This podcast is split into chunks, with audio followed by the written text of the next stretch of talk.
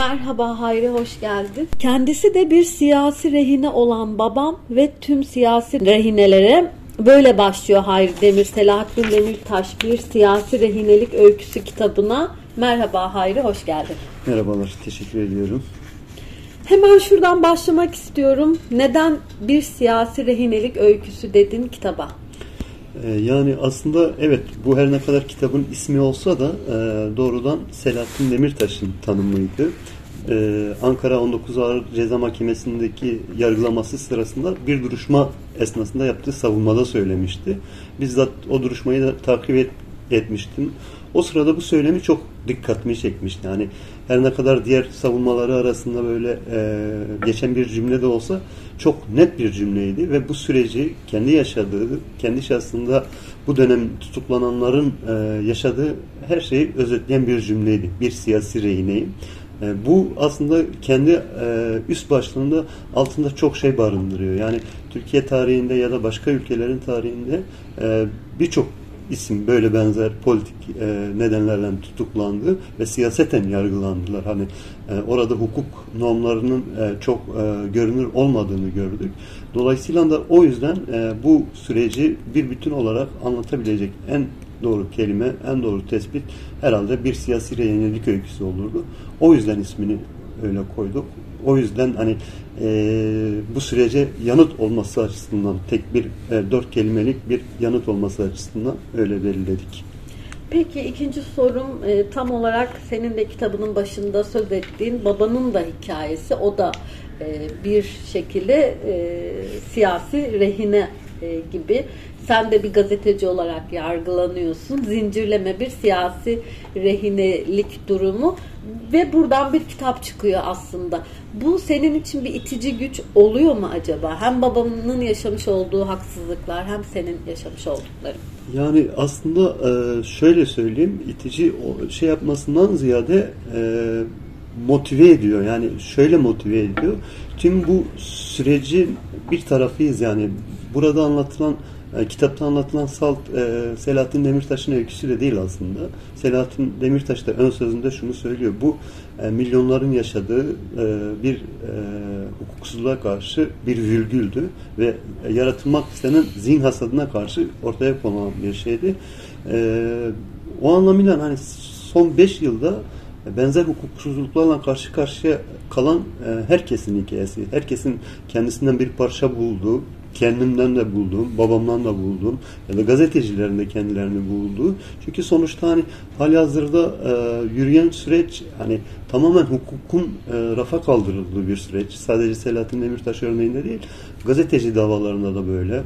Babamın davasında da böyle ki kendisi sadece belediyede çalıştığı için tutuklandı. Cenaze taşıdığı için ki görevi de cenaze arabasını kullanmaktı. E, o da e, bu dönemin hukuksuzluklarının bir örneği. E, bu nedenle de aslında bunları işte bir araya getirip herkesin e, bu dönemde nasıl hukuksuzluklar yaşadığımızı ile e, bir gün tarihi yaprakları geri sarıp bu dönemde Türkiye'de Türkiye siyasetinde neler yaşandı sorusuna kendi penceremizden içinde olduğumuz bir e, süreçten geçerken yanıt vermek gerekiyordu. O anlamıyla da aslında bir gazeteci olarak da bu benim motive eden bir şeydi. Çünkü tarihe bir not düşmek gerekiyordu. Büyük bir sorumluluktur bu aynı zamanda bunları e, önümüzdeki döneme aktarmak. E, biraz motive etti. Biraz da aslında esinlendiğim yer burasıydı diyebilirim. Peki şunu da çok merak ettim. Bütün bu e, hikayede aslında insanların hayatına hikaye demek de çok kullandığım bir tabir değil ama başka yerine de bir kelime bulamadım ama bütün bu süreçte diyeyim hem Selah özellikle Selahattin Demirtaş'ın sürecinde sence en büyük e, adaletsizlik, haksızlık ne hani nedir e, yaralayan, yaralayıcı olan?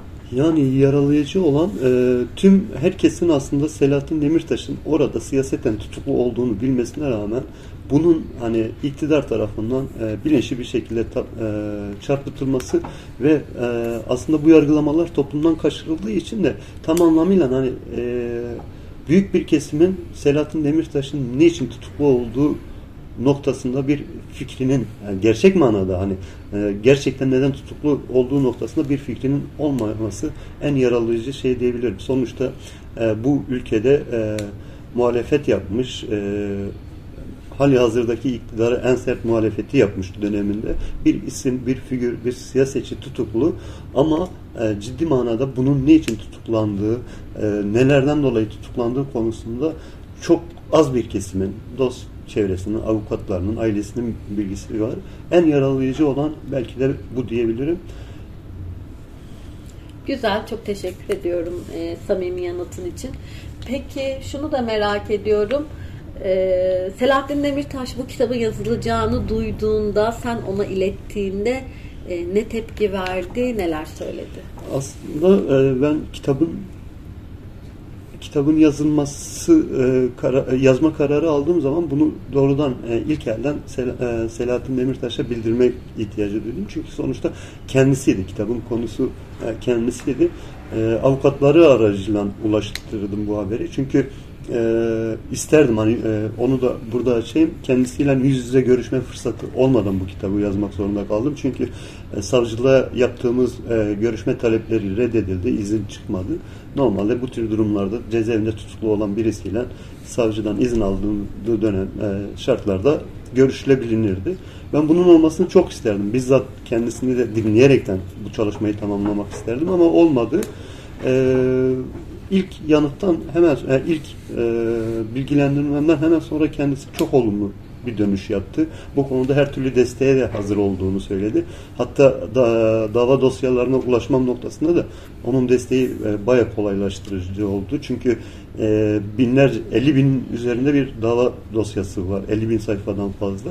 Bunları hani ayıklamam noktasında avukatlarının da e, katkısı oldu. Bu da Sayın e, Selahattin Demirtaş'ın biraz e, şeyle oldu. E, katkısıyla oldu. Çok da sevindi aslında. Hani şöyle sevindi. E, sadece kendi şahsında değil aslında e, az önce de belirttiğim gibi herkesin hani bugün yargıyla karşı karşıya kalan herkesin bir parça yaşadığı bu öyküde e, bir not düşürmüş olmasının önemli olduğunu söyledi. Ön sözde de bunun kendisi fazlasıyla açıyor. Ben artık orayı okullara bırakayım. e, peki e, ne kadar zaman hazırlandın bu kitap için?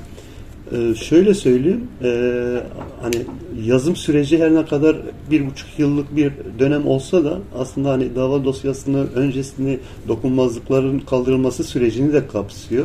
Hani mecliste bu nasıl kaldırıldı, e, o günün konjektüründe neler yaşandı.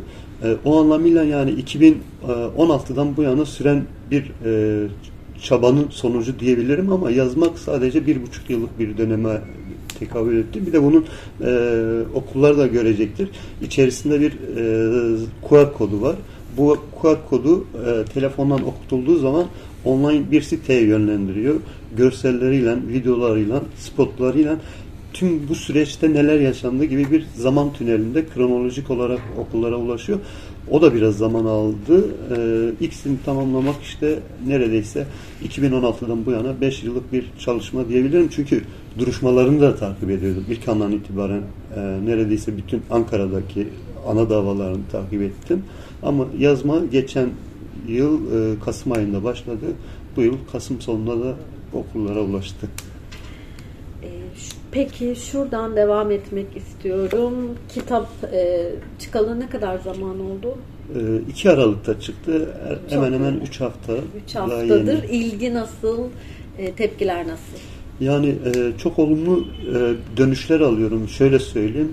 E, Kanada'dan dahil sipariş verenler, kitaba ulaşmak isteyenler, hatta Güney Afrika'dan kitaba ulaşmak isteyenler oldu. E, Türkiye'de de e, birçok kesimden böyle olumlu tepkiler aldım. Çünkü sonuçta e, dediğim gibi yani yaşanan bir hukuksuzluk vardı. Herkesin böyle kafasında e, belli bir düşünceye sahip olduğu bir konuydu ve yazılmayan bir şeydi. O anlamıyla e, çok çok iyi dönüşler aldım. Hatta e, en e, şey dönüşlerden birisi de e, Sayın Selahattin Demirtaş'ın kızından bir dönüştü. E, Dilda'dan bir dönüş almıştım. E, Diyarbakır'daki imzam söyleşi programında şöyle söyledi. E, kendisinin haberi yoktu. Aa babamın yazmadığı, babamın olduğu ilk kitap bu diye bayağı sevinçle karşılaş, e, karşılanmıştı. Bir de hani e, hem onun babasının tutuklu olması hem benim babamın tutuklu olması onun o verdiği yanıt aslında o kader ortaklığı biraz e, hani çok çok önemli bir geri dönüş olmuştu benim için diyebilirim. hemen yine kitaptan devam edelim. Ee, çok böyle detay, bilgi, belge kitap şeklinde, belgesel şeklinde e, neredeyse e, bu kitap e, nasıl bir yazma tekniği e, denedin? Haberciliğinin katkısı nasıl oldu? Ya e, şöyle e, ilk başta bu dava dosyalarının tamamını ayıklamam gerekiyordu. Çünkü hani biraz hukuki tanımlar, biraz hukuki terimler, biraz e, hani e, o e, hukuk dilinin kullanıldığı şeyler olduğu için ilkin o belgeleri e, bir süzgeçten geçirip biraz daha böyle serbest bir dile, biraz daha anlaşılır bir dile e, çevirtmem gerekiyordu. Yine davayla e, birlikte dışarıda gelişen süreç de vardı. Yani siyaseten gelişen ve davayı doğrudan ilgilendiren gelişmeler vardı. Onları da bir gazetecilik gözüyle davayla bütünleştirerek e, davayla bütünleştirerek, analiz ederek, bir süzgeçten geçirerek hazırlamak zorunda kaldım. Yani e, tekniği biraz daha sadeleştirmek gerekiyordu. Çünkü hani 50 bin sayfayı doğrudan buradan burada veremezdik. Yine dışarıda gelişen yüzlerce olayı burada veremezdik. O yüzden biraz daha sadeleştirip biraz daha yalın bir şekilde neden siyasi rehine, niçin siyasi rehine ve bu siyasi rehinelik e, süreci nasıl gelişti sorularına en yalın haliyle yanıt verme yoluna gittim. Son sorumuz bu haberi okuyanlar, okurlarımız e, kitaba dair, sana dair e, ne mesaj vermek istersin onlara, ne söylemek istersin? Senin alanın gibi düşün, okura seslendi. Yani bir e, gazeteci olarak aslında 5 yıl sonra bugünlere döndüğümüz zaman ya da 10 yıl sonra bugünlere döndüğümüz zaman bugünlerde neler yaşandı e, sorusunu e, net olarak bulabileceklerini umuyorum. Bu anlamıyla da hani e, yaratılmak istenen bir algı var. E, gerçek karşısında e, gerçeği örtüp e, yaratılmak istenen bir algı ve sahte gerçeklik var. E, bu anlamıyla bu sahte gerçekliğe dur demek gerekiyor. E, umarım okullarda e, bunun gerçekliğin nasıl çarpıtıldığını okuyunca fark ederler. Geri dönüşlerini de bekliyorum yani olumlu, olumsuz eleştirilerini, tespitlerini. Sizden hiçbir talebim ve beklentim yoktur. Siyasi faaliyetlerim nedeniyle ancak beni seçen halkım sorgulayabilir. Teşekkürler Selahattin Demirtaş, teşekkürler Hayri Demir. Ben teşekkür ediyorum vakit ayırıp bu güzel sohbeti yaptığımız için.